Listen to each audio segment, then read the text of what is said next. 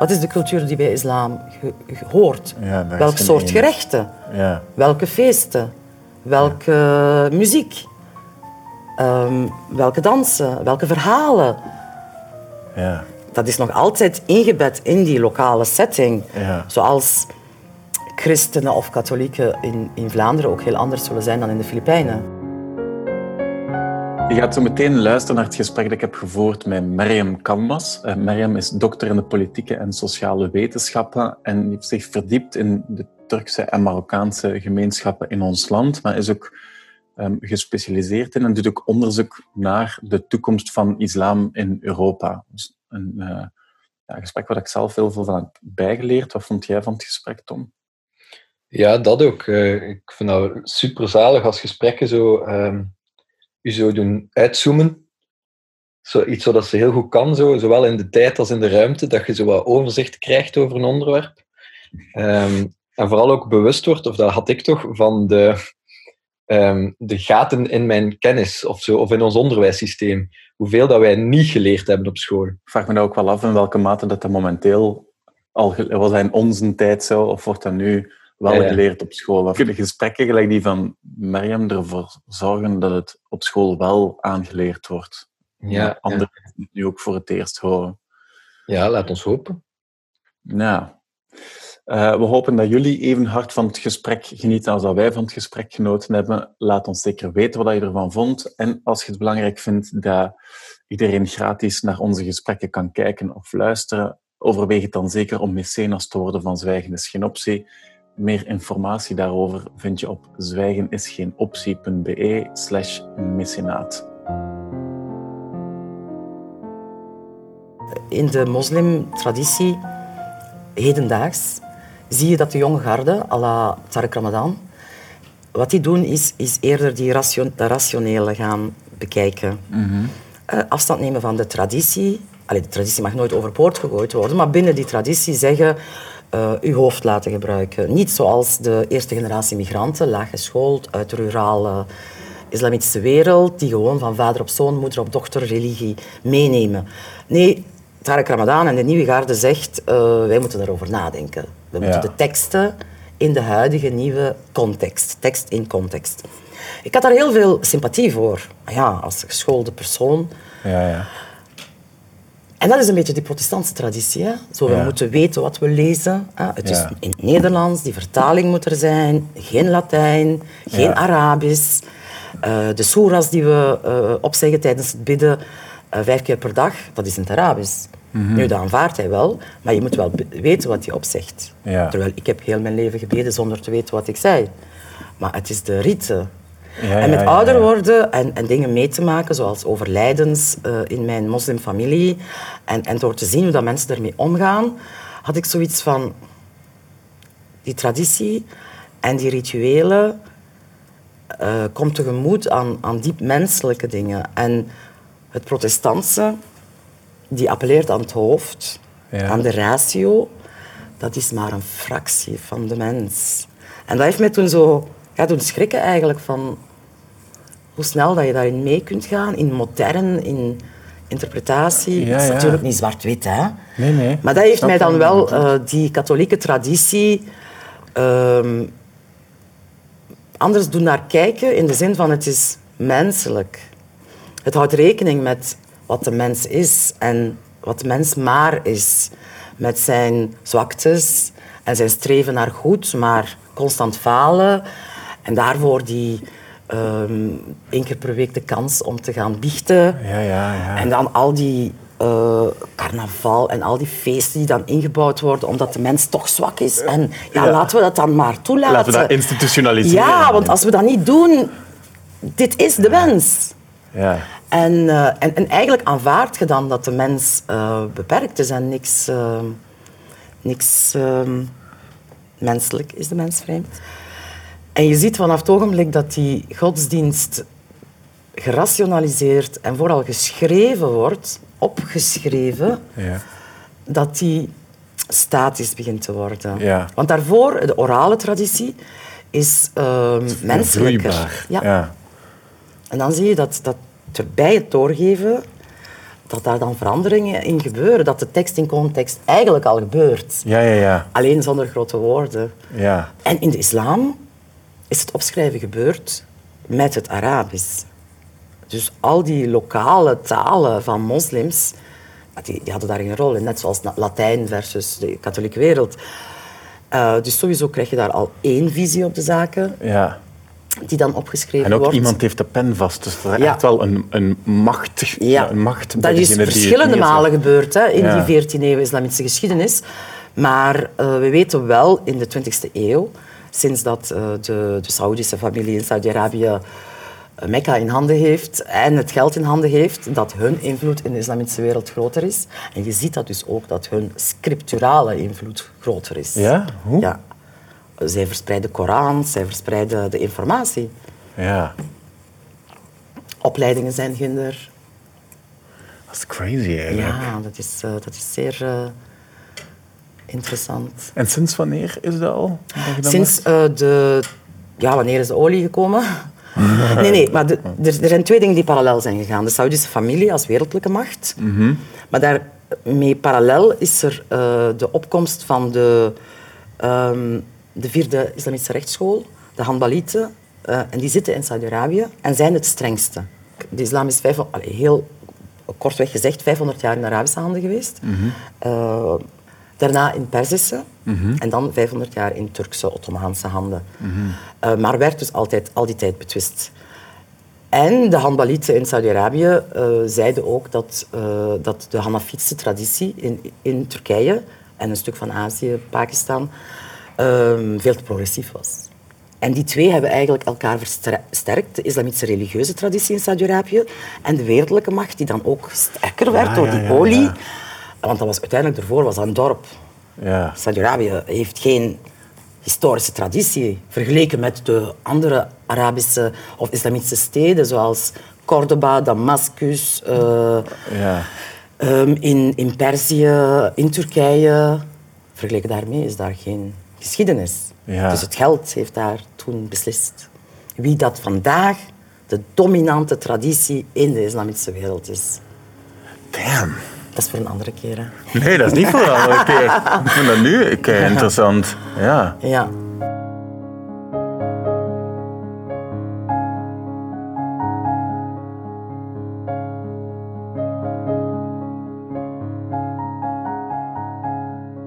Ja, dat is gek hoe dat je... Want je zegt- eigenlijk twee dingen. Je zegt Enerzijds, eh, door, doordat het gecanoniseerd wordt, eh, doordat het neergeschreven wordt, Ja. eh, wordt er, is er een eikpunt en kunt je... En, dan k- krijg je een tegenstelling vanaf dan, van Ja. hoe dat het neergeschreven staat en hoe dat je het beleeft. En dan heb je de invloed van door wie wordt dat dan neergeschreven. En dat zijn dan mensen met geld. Wat dat wil zeggen dat je echt wel, ja, dat ook daar in religie het geld is dat stuurt. Ja, pas op, je hebt daar dan, ik heb nu het grote verhaal gezegd, maar eh, die, dat zijn natuurlijk blijven verschillende tradities. De Turkse traditie, met die 500 jaar kalifaat in handen, eh, heeft wel een eigen traditie ehm, gemaakt ondertussen, met eigen religieuze instituten en eigen Sheikhul Islam, belangrijke eh, islamitische geleerden. En eh, Turkije houdt daar iets afzijdiger van. Minder sinds Erdogan er is. Ehm, dus je hebt wel verschillende tradities. Ja, ja. Maar, Gelijk dat er altijd... ja, maar als je spreekt altijd- over Arabo... Allee, als je over- de islamitische wereld spreekt, wat heb je dan? Je hebt Indonesië, je hebt eh, Turkije, eh, Azië. Mhm. Ehm, de meeste zijn gericht naar eh, Saudi-Arabië. Wij ook. Dat er dat in België een, zijn er ook twee tradities. Ehm, als, waarvan weten we dat? Eh, door, door, door heel veel voorbeelden. Maar één belangrijke is, wanneer is de start van de Ramadan? Dat moet elk jaar eh, vastgelegd worden. Ehm, En bij de Turkse eh, gemeenschap, alhoewel daar ook tradities in waren, wordt dat vastgelegd door het Turkse Dianet, een consulaat voor religieuze zaken. Maar een groot deel van de Marokkaanse gemeenschap wacht op de moslim-executieven in België, die dan zegt wanneer ze starten. En die inspireren zich aan Saudi-Arabië. Ja. Oké. Dus tot twee dagen op voorhand eh, weten ze niet wanneer ze start. hè. Dus dat kan vandaag zijn of morgen. Nu, die Turkse kalender dient wel als leidraad ook voor de Marokkanen. Hè. Ja. Eh, dus als je overleg hebt met eh, beleidsactoren, onderwijs en zo, en je moet iets organiseren, dan gebeurt dat geregeld dat we zeggen, oeps, Ramadan begint dan. Hè. Je moet geen Ja. vergadering met eten gaan beleggen. Nee, nee. En dan is het elke keer van, "Maar Marokkanen ook? Ja. Dan, en dan weten we, Marokkanen is altijd een dag ervoor, dezelfde of de dag erna. En dan houd je die drie dagen een beetje rekening, hè, tot je het weet. Dus bij ons, de moslim-executief, is dat zo wat het officiële... Ja, dat is, dat is Ja. de ehm, contactorgaan voor de Belgische overheid wat Ja. betreft religie in België, voor de islamitische religie in België. En dus met het feit dat zij de ehm, eh, Ramadan laten doorgaan op het moment dat het eigenlijk vanuit Saoedi-Arabië beslist wordt, dan, dan zie je van de affiniteit ligt het meest daar. Of die, die laten God, dat is ook een beetje de grootste gemene deler. Hè? Ja. Ik denk, ehm, Het is niet dat zij meer progressief... eh, Daar, zeggen ze daarmee, kunnen daarmee ook zeggen van die zitten meer aan de conservatieve kant. Eh, nee, maar we weten dat Saudi-Arabië aan de conservatieve kant zit. ja, wel, maar dat weten we dan ook dat de moslim-executieve meer aan de conservatieve kant Nee, zit? want de voorzitter van de moslim-executieve sinds een paar jaar is een Turk. Allee, ik bedoel, in de zin van, die, die volgt voor zijn eigen gemeenschap niet de Arabische kalender. Ja, oké. Maar eh, adviseert dat wel, omdat hij weet dat heel veel moslims in België, en de grootste groep is Marokkanen, dat die die kalender volgen. Het is wel interessant dat daar Dat zo... is, eh, dat is- die- is daar die- meer dissonantie in dan in het katholicisme of zo? Dat, dat- Nee, maar je mag het niet vergelijken als katholici- katholicisme. Als je islam wilt vergelijken met... Dan moet je over Met iets- christelijke Ja, godsdiensten hebben. Ja, Want dat is wat in België in het debat ook altijd is geweest. Van ja, die, die, eh, mos- die moslims komen zelf niet onder elkaar overeen. Ja. Omdat ze islam vergelijken met katholicisme. Ja. Maar je moet islam vergelijken met de christelijke godsdiensten. En die heeft dan binnen zijn schoot verschillende denominaties, uiteraard. Ja, zeer zeker. Ja. Ja, en als je dan vergelijkt, dan begrijp je dat er discussies zijn. Ja. Want bijvoorbeeld de, de Marokkaan en de Turk in België zijn eigenlijk nog nooit met elkaar in contact gekomen in 1400 jaar islamitische geschiedenis. Buiten hier in de diaspora. Ja. Die hebben nooit een consensus moeten bereiken. Die hadden hun eigen tradities, die hebben zelfs een andere rechtsschool. Er zijn vier religieuze rechtsscholen binnen de islam. De Marokkanen hebben een andere rechtsschool. En plots hier in de diaspora worden die gedwangen, gedwongen om één gezamenlijke hoofd van de Belgische islamitische eredienst vast te leggen. Ja, natuurlijk gaat dat niet. Als je weet dat wij godsdienstoorlogen achter de rug hebben in Europa ja. om een modus vivendi te vinden. En dan heb ik het nog niet eens over Grieks-orthodox, Russisch-orthodox en al die andere tradities binnen het christendom. Dat is cool. Ja, dat is cool. Maar dus het wordt heel dan gesimplifieerd. Hè? Ja, ja, ja.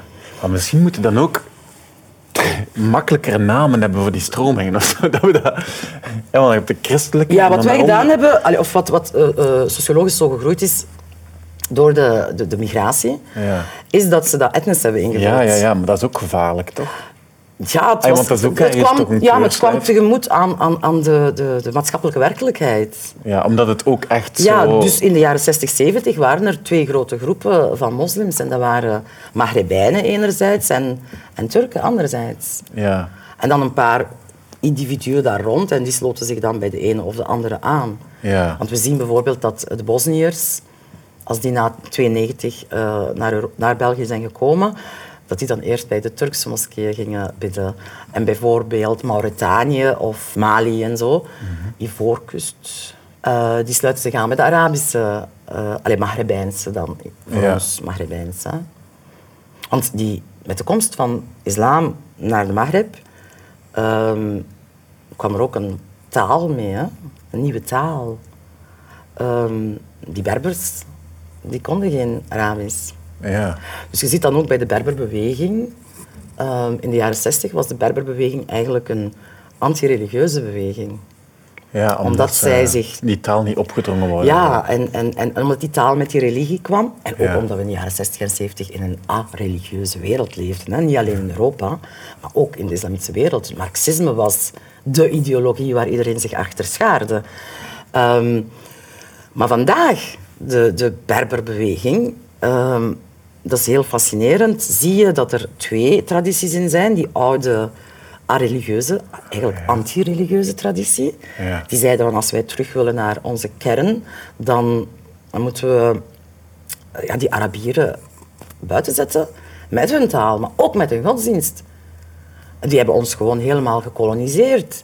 Net zoals als ze afscheid hebben genomen van de, van de Franse uh, kolonisator, uh, daar ook met de Arab Arabische. Maar ondertussen zijn we 40, 50 jaar verder. En uh, de wereld is ook religieuzer geworden. Ja, je zegt dat ook ergens. Ik las met de, met de val van de muur. Ja. Dat marxisme aan kracht is verloren en dat, dat, dat ja. religie begint in te vullen ja, wat links want je ziet, je ziet dat de wereld heeft altijd um, inspiratiebronnen nodig gehad. Een gemeenschap heeft een toekomst nodig, iets om te hopen dat het beter gaat gaan en om je aan te inspireren. Uh, dat is uh, na de Tweede Wereldoorlog in de vele gekoloniseerde landen de strijd tegen de kolonisator geweest. Um, ja. En hoe doen ze dat? Van, uh, wij hebben onze eigenheid. Wat is onze eigenheid? Onze taal, onze cultuur, maar ook onze godsdienst. Ja. Dus godsdienst was een belangrijke rol in de Arabische wereld om tegen de kolonisator te reageren. Maar ook het marxisme. Mm -hmm. Ook in de Arabische landen, maar ook in Afrika. Want bijvoorbeeld het ontstaan van een pan-Afrikaanse beweging ja. is ook een pan-socialistische beweging eigenlijk. En het pan-Arabisme bestaat in de Arabische wereld ook, bestond ook. Maar dus allemaal geïnspireerd door, uh, door het marxisme. Mm -hmm. En we zien inderdaad, na het failliet van de Sovjet-Unie, en het failliet was eerder bezig als ideologie, maar na de val van de muur was het op. Mhm. Daar hebben toen uh, Amerikaanse intellectuelen ook over geschreven van... Mhm. Uh, dit is het einde van de geschiedenis. Mhm. Het uh, neoliberale ehm, denken heeft overwonnen. Dit is de richting waar iedereen naartoe moet gaan. Ja, Ja, dat, dat heeft een leegte gegeven. ja. Want wat heeft het neo- neoliberaal kapitalistisch model gebracht aan veel mensen mondiaal? Weinig. Heel veel mensen lijden onder, ehm, onder dat kapitalistisch systeem. En de correctie daarop was het socialisme. Eh, socialisme zoals toegepast in socialistische landen, maar ook de socialistische tradities eh, in, in democratieën zoals in Europa, maar ook in, de, in die jonge democratieën eh, in Afrika en in de Arabische wereld. Dus als dat wegviel, dan, ehm, dan zat je in een vacuüm. En als mensen in een vacuüm zitten, dan, dan gaan ze op zoek naar iets nieuws. En islam was eigenlijk al voorhanden. Hè? Dus ze hebben dat gebruikt ja. om te zeggen, wij moeten een eigen weg bewandelen. Niet links, niet rechts, maar een islamitische weg.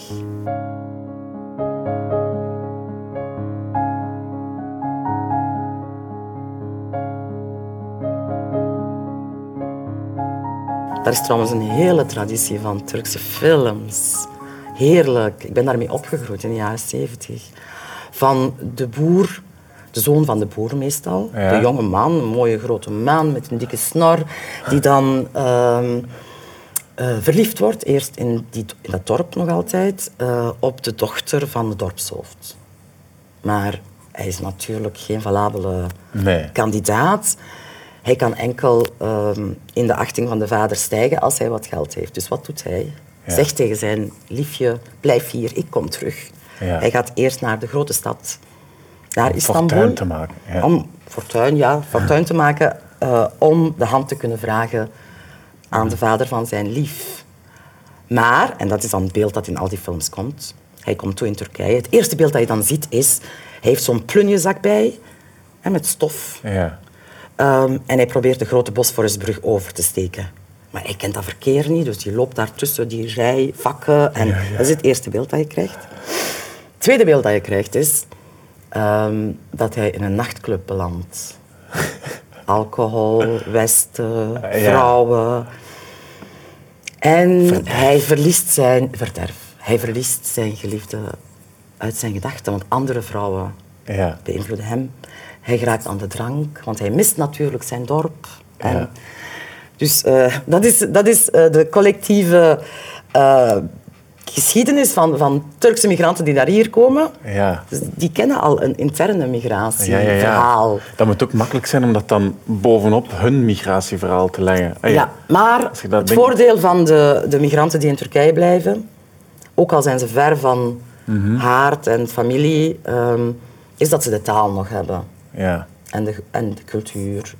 Ja. En godsdienst wil ik zeggen, maar als ik dat nu te expliciet benoem, dan zou ik het groter maken dan dat het is, Daar. was voor hen in de jaren 60. Het was gewoon een pakket. Ja. Turkse cultuur was eh, de Turkse taal, de Turkse gebruiken en ook islam. Ja. Ehm, in de jaren 60. Vandaag eh, is het anders. Vandaag zie je dat, maar ook onder invloed van eh, internationale ontwikkelingen, dat godsdienst, taal een andere volgorde heeft gekregen in de identiteit van verschillende groepen, niet alleen Turken. Dat het geflipt is? Hey. Ja, bij sommigen. Eh, je ziet ehm, met de opkomst van die islamitische bewegingen, Ja. politieke partijen, dat er een, ja, die hebben een hele achterban. En zij verbinden zich eh, op de eerste plaats met hun islamitische identiteit. Of althans, eh, dat is wat ze naar voren brengen. Ehm, en in tweede instantie met hun ehm, eh, culturele of, of nationale identiteit. Pas op, het is een koppelteken-identiteit. hè. Turk slash eh, moslim. Dus ze gooien die niet overboord. Heel anders is het bij ehm, Marokkanen. Eh, daar zie je dat die ontwikkeling van bevraging over wat is, de plaats, wat is mijn plaats in de wereld, in die Europese setting, Ja. wordt het nog moeilijker. Want eh, de Marokkaanse, samenle- Ma- Marokkaanse gemeenschap in België ehm, is een samengestelde gemeenschap uit verschillende plekken van Marokko. Ehm, in tegenstelling tot Turkije. Turkije is eerder een soort kettingmigratie van bepaalde punten in Turkije. Ehm, bijvoorbeeld heel Gent Ja. is uit Imirda, Centraal-Anatolië. Ja. Dus als, dat zijn, dat zijn, in de wetenschappelijke literatuur wordt dat getransplanteerde gemeenschappen genoemd. Die worden Ja. gewoon van één plek genomen en op een andere plek gezet. Ja. Maar als die dan hier in de vreemde zijn, hebben die wel community. Ja. Dat is al, heeft een hele invloed op hoe dat die zich hier gaan organiseren. Ja. Heel anders is het bij Marokkanen, die eh, uit verschil- verschillende plekken uit Marokko worden gerecruiteerd. Zowel uit het zuiden als het noorden, eh, overal. Ja. Pas op, er zijn natuurlijk plekken in Marokko waar er meer eh, Marokkanen van zijn in België. Eh, Ja. Bijvoorbeeld Nador in het noorden. Ehm, in Mechelen zijn bijvoorbeeld heel veel mensen uit Nador. Alocima, Tanger, dat zijn plekken waar heel veel van zijn. Maar niettemin is die Marokkaanse gemeenschap in België diverser. En gezien Marokko ook een andere ehm, politieke geschiedenis heeft, ehm, ziet je dat ook dat er verschillende talen nog aanwezig zijn. Berbertalen. Dus in Marokko zijn er drie Berbertalen ongeveer die gesproken worden. Ehm, je hebt daar de, het Frans van de kolonisator. Je hebt het Spaans van de Spaanse kolonisator in het noorden. Je hebt het Arabisch. Eh, je hebt een, de Marokkaanse variant van het Arabisch. En dus die Marokkanen die in België komen, dat is geen community. Want de kans is groot dat ze elkaar niet verstaan. Dat ze niet dezelfde taal gebruiken. En je ziet dan dat zij sneller een alternatieve taal zoeken om met elkaar te communiceren. Eh, in, eh, in Brussel gaat dat nog vlotter, omdat ze dan het Frans hebben. Ja. Maar in Vlaanderen niet. En je ziet dan dat ze veel sneller beroep doen op het Nederlands. Oké, ja. Dus in tegenstelling ja. tot wat, wat altijd werd gezegd van... ehm, zeker voor 2016, de staatsgreep in Turkije. Toen is de beeldvorming over Turkije een beetje veranderd in de Vlaamse pers. Ehm, daarvoor werd altijd gedacht dat eh, Turken moderner waren dan Marokkanen. Ehm, omdat je er niks over hoorde. Omdat ze alles in eigen community oplosten. Die waren gewoon niet aanwezig in het publieke debat. Ja. De Marokkanen wel. Omdat ze zich een eigen community hebben, toch niet op die manier georganiseerd, moesten ze het doen in de Belgische publieke ruimte. Ja. En daardoor waren ze ook aanweziger. Ja. Met ook hun problemen. Ja. Ehm, en daardoor waren ze zichtbaarder. Ja, en, daardoor, contrast meer. Ja. en daardoor is het geproblematiseerd eh, op de rug van die gemeenschap. Ja. Terwijl eens dat Turken dan ook, om het zo te zeggen, in dat publieke debat komen, dan zie je eigenlijk ook dat er daar ook verschillen zijn. Ja, maar niettemin, eh, waar ik eh, nog wou toekomen, is hoe dat dan die Marokkaanse jongeren, of de, de, de, de, generatie van de migratie, eh, dan omgaat met die eh, islam, islamitisch aspect in hun identiteit. omdat die nationale identiteit minder uh, vast omlijnd is, zie je dat jongeren veel sneller die islamitische identiteit aannemen, bijna aangrijpen van ja, uh, ja dit is het. Dus je krijgt kinderen die, die zien dat ze niet van hier zijn. Ze merken dat ook, ze worden daar ook op aangesproken. Maar wat zijn ze dan wel? En dan gaan ze op zoek en dan is die islam een hele welkome identity marker. In het bijzonder, omdat dan krijg je dus zo'n intellectueel als Tarek Ramadan, die dan heel belangrijk wordt. Tarek Ramadan zegt, um, je kan Europeaan zijn en moslim zijn. Het is niet omdat je moslim bent dat je in een zin, elke zin die je uitspreekt, vijf Arabische woorden moet uitspreken.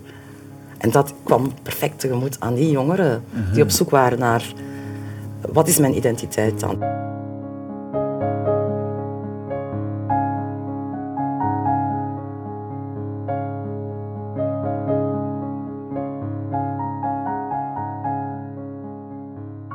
Hoe was dat voor u? Hoe is het eigenlijk voor u gegaan?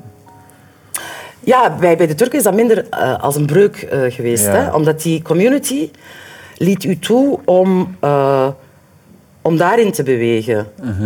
om, om daar op zoek te gaan naar godsdienst, op zoek te gaan naar seculiere traditie. Al die tradities waren aanwezig binnen de Turkse cultuur. Ja, ja, je moest dus daar we niet uitstappen. niet- ja. Dus ik kon, als ik 16 was, had ik inderdaad ook het eh, linkse denken ontdekt. En ik wou daar heel veel over weten. Maar ik kon terecht bij mensen eh, in mijn eigen gemeenschap en trouwens in mijn eigen familie, waar ik, eh, die zich engageerden in, in, in bewegingen.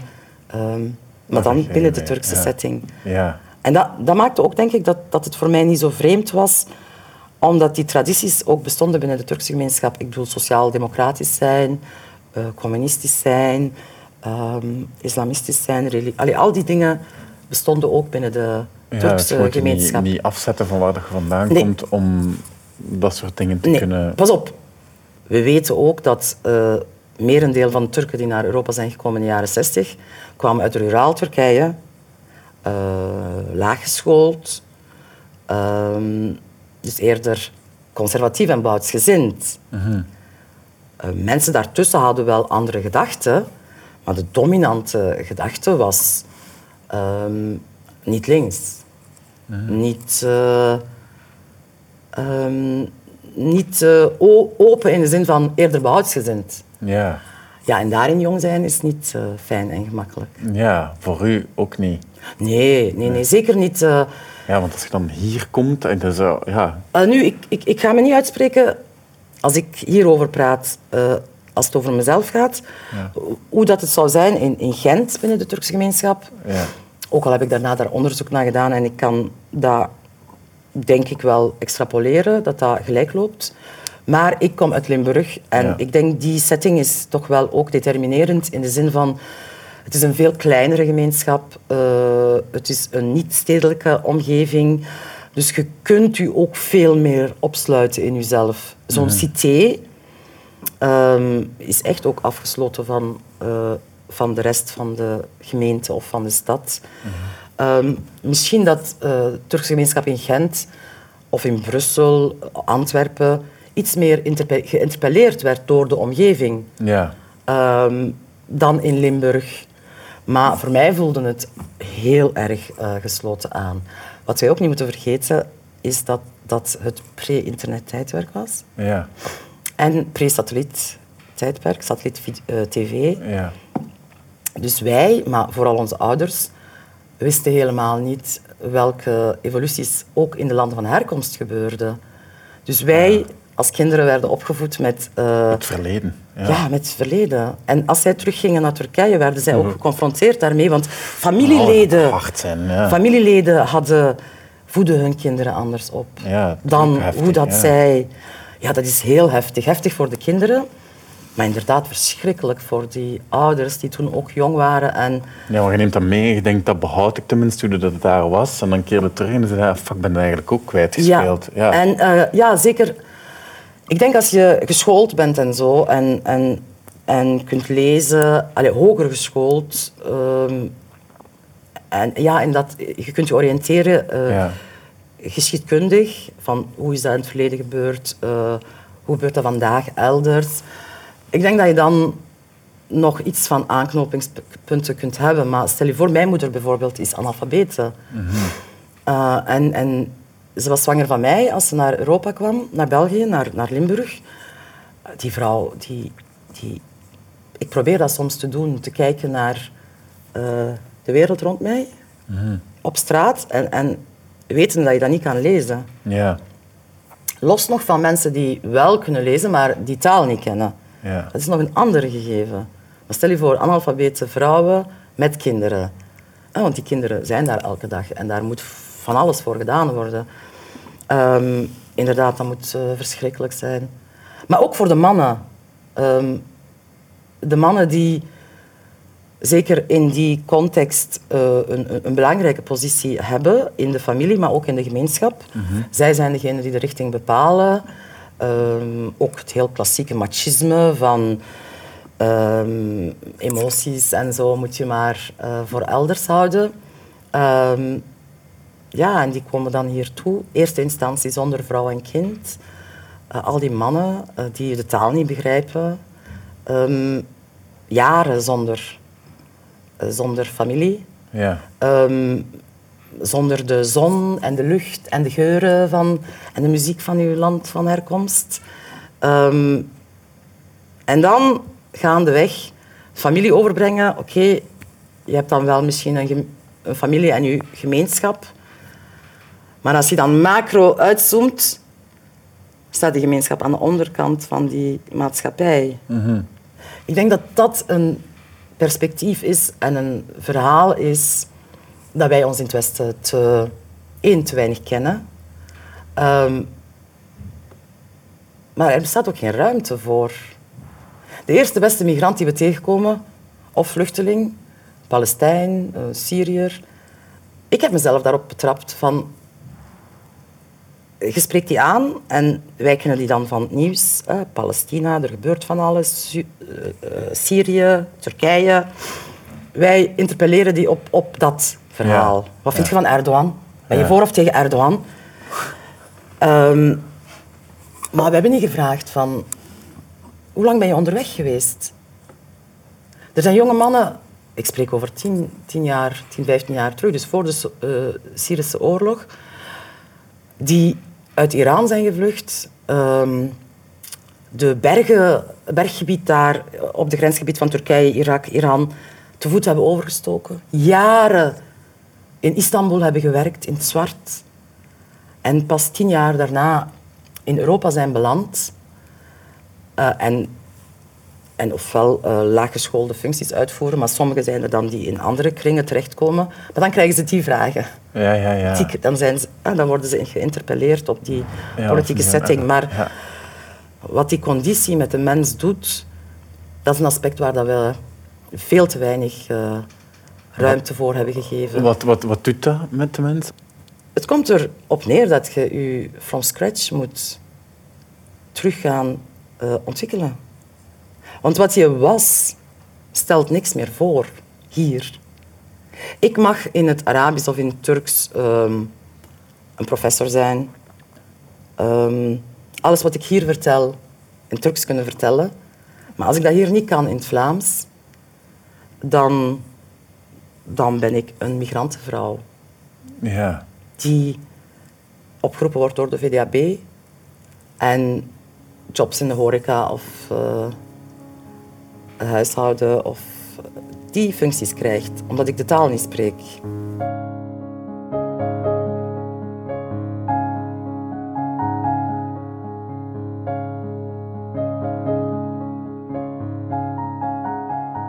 In 2014 is 50 jaar Turkse en Marokkaanse aanwezigheid gevierd. Herdacht. Het is maar welk perspectief je hanteert. Um, maar kennen we die verhalen? Weten we wat de Marokkaan, dat de Marokkanen in Brussel de metro hebben gebouwd? Weten we, um, weten we wat hun bijdrage is geweest aan de Belgische geschiedenis? Uh, weten, we iets over, weten we iets over de mijnstreek en de cités? Uh, buiten dat in, mijn, in, de mijn is iedereen zwart.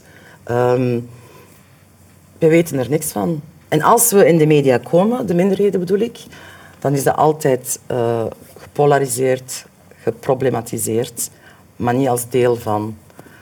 Ehm, je zou kunnen zeggen, 50 jaar is niet lang in, in, in de geschiedenis van gemeenschappen en, en, en staten. Ehm, dus er is nog hoop. Ehm, maar we zien toch dat we in Europa helemaal anders hebben gedaan dan in de Verenigde Staten. Verenigde Staten is iets meer een immigratieland. Hè. Dus wij hebben onze roots, maar samen vormen we Amerika. Ja. Daar zijn we niet hier. Nee. Al, al, is maar dat, want in Amerika gaat het ook niet goed. Hè. De mhm. Afro-Amerikaanse mensen hebben het, ondanks eeuwen geschiedenis, um, staan ze nog altijd aan de onderkant. Um, maar qua discours is het wel belangrijk. Als we, als we een toekomst willen denken voor België, voor Vlaanderen, en we zeggen dat we daar allemaal samen aan gaan werken, uh, dan moeten we eerst zeggen van wie, wie met ons meedoet. Mm uh, en met wie dat we samen aan dat Vlaanderen van morgen gaan werken. En dat is iets wat ik, um, uh, wat ik politici verwijt in, in Vlaanderen. Maar ik ga daar even op terugkomen. Ik wil even dat verhaal afmaken van de migratieconditie en verbanning ja. en die verhalen die kunnen verteld worden. En ik denk dat daar cultuur een belangrijke rol heeft. Wetenschap ook natuurlijk en beleid ook. Maar uh, we moeten die verhalen ook vertellen via de boeken. En we moeten films maken daarover. Mhm. Ehm, en dat is nu aan het gebeuren. Uh, er zijn ook meer en meer mensen uit de migratie die um, die niet alleen dat profiel hebben van uh, uitvoerende arbeider. Er, zijn mensen, er, zijn, er komen kunstenaars uit voort, uh, wetenschappers, politici. En um, ik denk dat dit ongeveer tien jaar geleden gestart is. Zo. Tien, ja, tien jaar geleden is het iets groter geworden. Uh, dat we het discours nu uit hun eigen mond horen. -hmm. En zij gaan dan ons die verhalen vertellen. -hmm. um, bijvoorbeeld die acteur die jij... Rajif, ja. Rajif, die Um, ja, die zal over zijn conditie spreken, mm hoe het is om uh, een Marokkaanse vader te hebben, uh, uit zo'n gemengde relatie te komen. Uh, ook al wil je dat niet in eerste instantie natuurlijk, yeah. want je denkt dat je, ik ben een individuele kunstenaar, ik ben een individuele wetenschapper, journalist, ehm, mijn roots, ik heb dit zelf gemaakt. Yeah. Maar natuurlijk, um, die hele idee van ik maak mezelf als individu is zo opgeklopt. Hè? We zijn natuurlijk voor een stuk uh, het milieu waar we uitkomen. En uh, in die zin zit dat milieu ook in, in wat je maakt. Ja. In wat je schrijft, uh, in, in alles wat je creëert. Maar dus ik ben hoopvol. Ik wil al die verhalen horen. Ja. En niet alleen van de Turkse migratie. Ik wil die ook horen van, van die Syriërs, van die mensen uit verschillende plaatsen uit Afrika. Oost-Europa, uh, met hun verschillende tradities. En natuurlijk, wij moeten, die, wij moeten daar allemaal naar luisteren. En dat moet dan deel uitmaken worden, maken van ons verhaal. Ja. Zoals als je aan Amerika denkt, en je hebt heel die traditie van de Italo-Amerikaan mm -hmm. met zijn uh, uh, Godfather-films en die maffia-films. Is dat Italiaans of Amerikaans? Ja. Uh, Coppola en zo. Dat is Amerikaans. Die, die mannen zijn Amerikanen. Maar het maakt deel uit van de Amerikaanse traditie. Mij zo te vragen waarom dat we daar zo moeilijk over doen. Dan. dat ik het verschil maak met Amerika in mijn hoofd en, en het gebrek aan openheid dat er hier is naar migratieverhalen van mensen die naar hier zijn gekomen. Turken, Marokkanen, maakt niet uit. Ik denk dat we gewoon weinig plekken hebben waar we elkaar tegenkomen. Wij weten dat we in gesegregeerde wijken wonen, in gesegregeerde scholen zitten en in gesegregeerde arbeidsplaatsen. Is dat dan in Amerika minder? Is, is, is, is het niet ook zo dat daar dan Italiaanse gemeenschappen meer op zichzelf zijn? En... Um, ten eerste is het al langer. Ah, die, ja. die, migratie is daar al langer. Dus dat, is van begin 20e eeuw. Ja. Um, en dat was ook een arbeidersmigratie. Ja. Um, en daar is een middenklasse uit ontstaan. En ook kunstenaars uit voortgekomen en filmmakers en zo, waardoor ja. dat we die verhalen kennen. Um, dus voor een stuk is het dat. Ja. Dus onze, uh, onze kunstenaars die zijn zich nu pas... Ja. Ze zijn aan het komen. ze zijn aan het komen. Ehm, maar heel dat denken over ehm, ons land, Amerika. Ik zeg maar een, een, een eh, commissie die geld moet geven aan eh, filmmakers. Eh, Vlaamse Audiovisueel Fonds. Ja. Paf. Wie dat daar allemaal zit, dat zijn allemaal witte eh, commissieleden. En die krijgen al die projecten, veel te veel projecten voor het aantal Ja. subsidies dat ze hebben. Daar wordt een selectie in gemaakt. De commissie vandaag, en dat weet ik uit mensen die dat meegemaakt hebben, letterlijk de woorden kregen van die migratieverhalen hebben we nu toch al gehad. Dat kan één commissielid zijn. Ja. Ehm, maar het is op die niveaus ja. dat eh, via subtiele mechanismen dat niet erkend wordt dat die migratieverhalen Vlaamse verhalen zijn. en, als, en, en als die verandering niet gebeurt, dan denk ik dat, dat je het altijd ziet als het verhaal van de ander. Wij hebben al duizenden films gezien over ehm, de Vlaamse boer die eh, met zijn West-Vlaams eh, en zijn katholieke traditie probeert vooruitgang tegen te houden. de pri- priester thuiskomt zondag. Hoeveel boeken zijn daarover geschreven? Hoeveel films gemaakt? En, en toch gaan die blijven gemaakt worden. Want het speelt voor mensen, voor kunstenaars. En wij hebben nog maar drie films of zo over de migratie. En wij moeten al stoppen over het verhaal van de migratie vertellen. Op die manier speelt het mee. Ja, ik snap ook het probleem niet. Waarom niet? Waarom niet? Echt zo.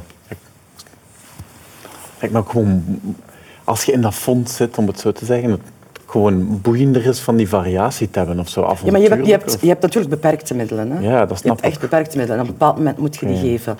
En wat krijg je dan? Je krijgt dan filmmakers die een derde project aanvragen, waar je van weet, als die zich eraan zetten, wordt dat morgen een film. En gaan ze in de cinemas geraken of gaan ze op canvas geraken? Ja, omdat je weet wie dat die mensen zijn. Terwijl die nieuwe makers, Ja. die zijn één nieuw, die hebben een ander verhaal, andere netwerken. Dus als commissielid moet je ook kijken van wat de haalbaarheid is van die film. ja. Gaat die er komen? Het is niet omdat je... En als het er komt, gaat hij uitgezonden Ja, gaat worden. hij uit. Ik bedoel, je moet aan het heel heel ding de denken en daar zitten zoveel drempels op. Ja. Dat, ehm, en ook iets wat nieuw is, eh, mensen, hoe progressief we ook zijn, als we dingen niet herkennen, weten we niet wat we ermee moeten doen. Mhm. In discours staan we open. Ja. Maar als puntje bij paaltje komt en de dingen liggen voor je neus en, en je zegt van wat, wat is dit? Wat gaat er gebeuren? Wat gaat die vrouw vertellen? Wat... En we zien hetzelfde overal, in alle commissies gebeuren. In wetenschappelijke commissies van het Fonds voor Wetenschappelijk Onderzoek, in commissies die budgetten geven voor cultuur. We zien het overal gebeuren.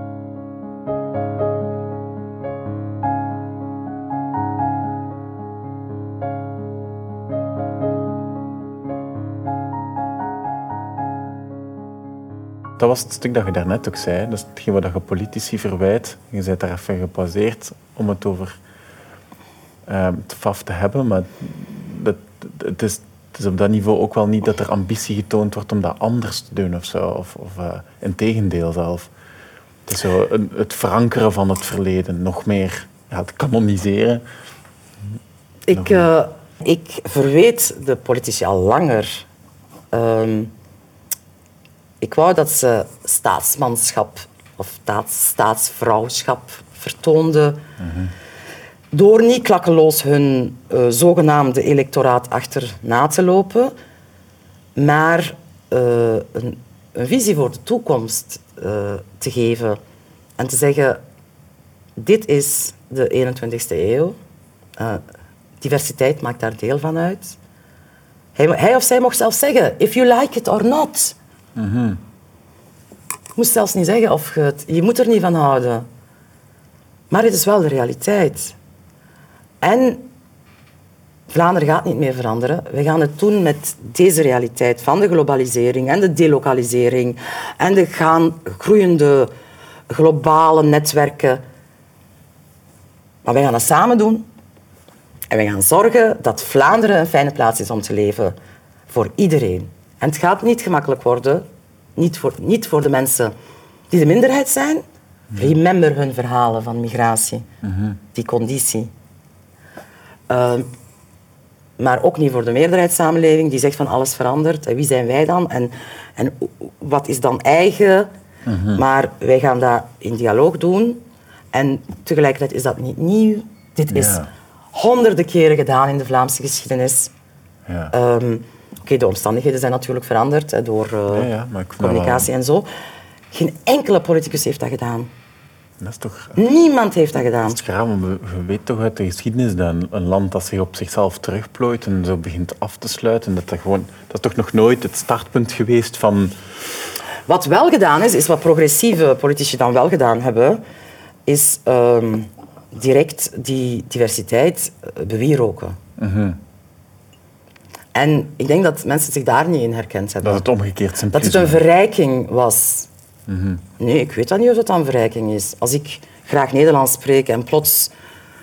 Ik zeg maar iets, ik, ik heb lang in Brussel gewoond en die Franse rand... En in die rand van Brussel geraakt helemaal verfranst. Ik weet niet of dat ik dat leuk vind om, als ik naar de bakker ga, niet mijn pistolet in het Nederlands te kunnen bestellen.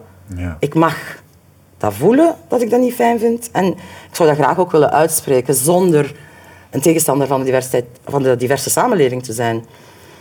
Ja, het normatieve eh, is denk ik eh, verkeerd geweest. Dat, we, dat dat direct normatief werd beoordeeld. Ja. Terwijl eh, diversiteit is... is, is allee, ik bekijk het als een, als een maatschappelijke, sociologische realiteit. Ehm, economisch en zo, van het is er. En, en wij gaan dit... ah, politici, politici moeten dat beheren. Als burgemeester op lokaal niveau en op de hogere echelons. Maar wij gaan die samenleving eh, op de beste manier samen beheren.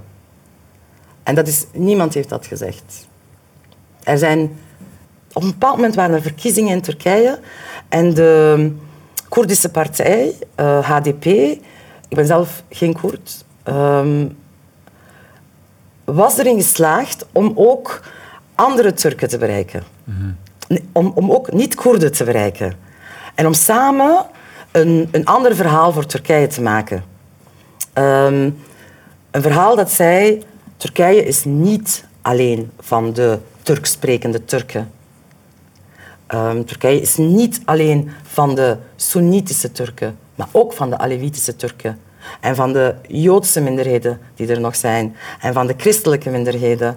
En wij hebben me- veel meer talen in Turkije. En die, die, die Turkije zag niet als een eh, monoculturele nazistaat van in de 19e eeuw, maar als een staat die klaar is voor de 21e eeuw. Ik werd plots hoopvol.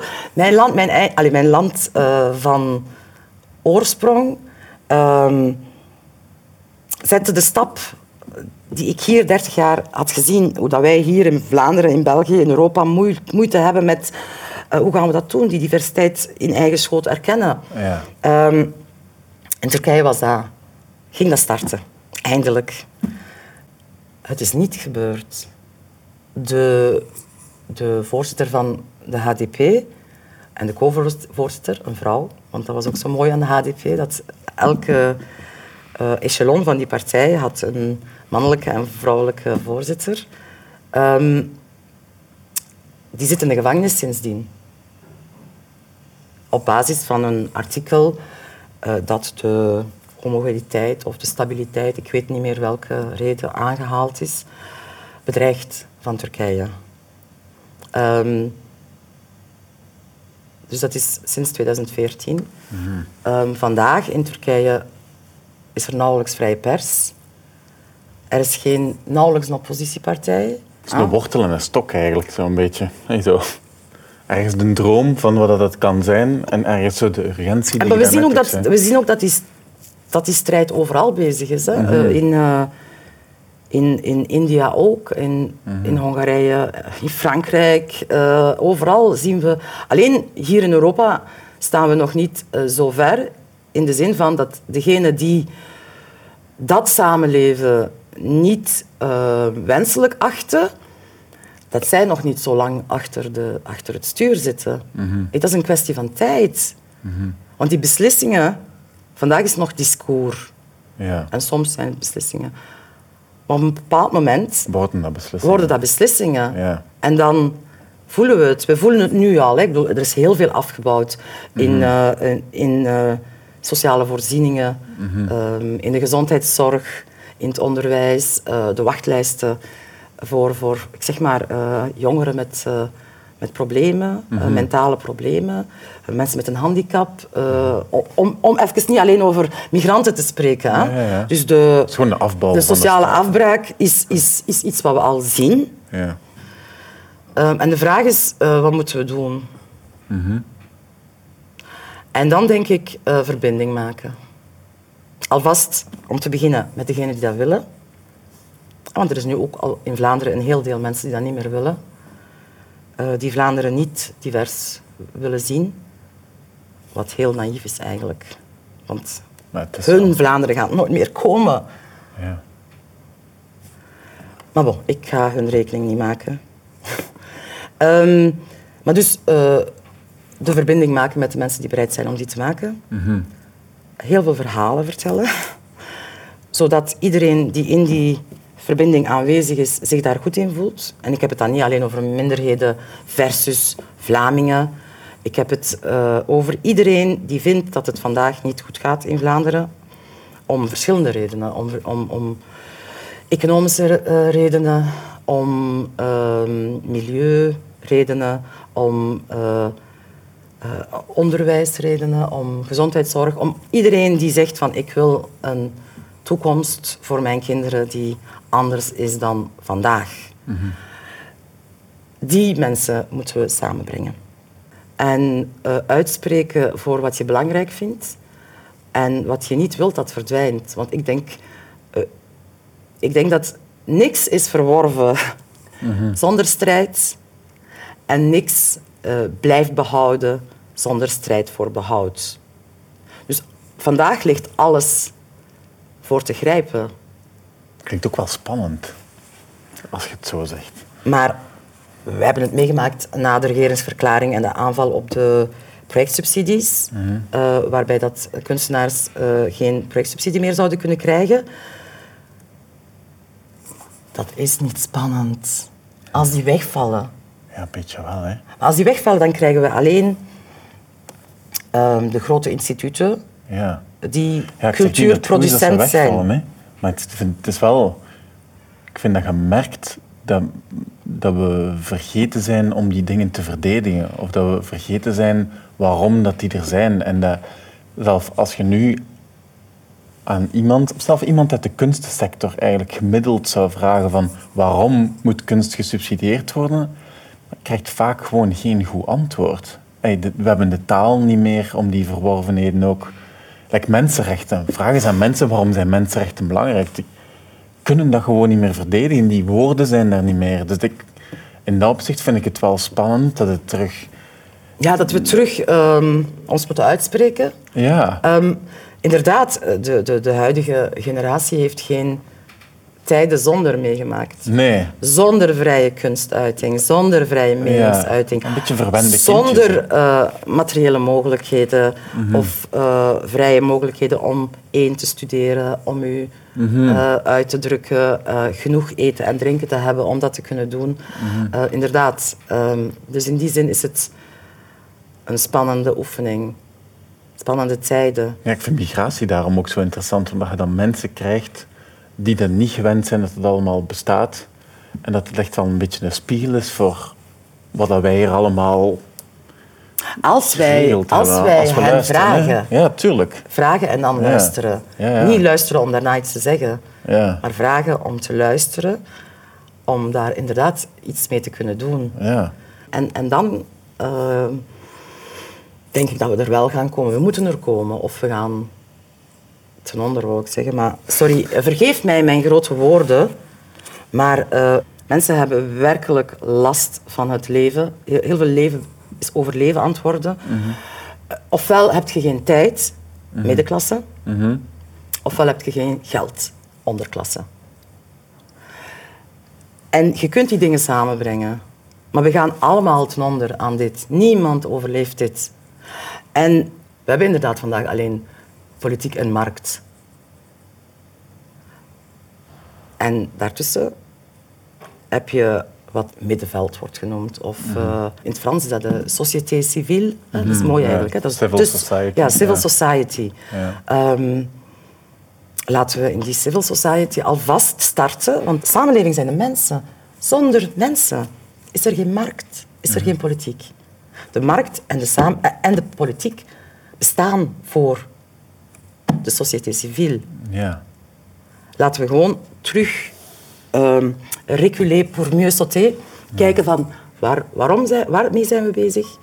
Ik op mijn microniveau, uh, jij op je macroniveau. Maar waarmee zijn we bezig? Wij willen toch dat mensen zich vandaag hier in dit stukje van de wereld um, zo goed mogelijk voelen als mens. Mm -hmm.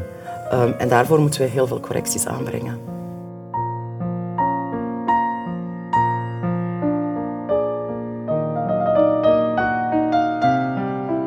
Je kon dit gesprek gratis bekijken of beluisteren dankzij de Zwijgende Schinopsie Mecenassen.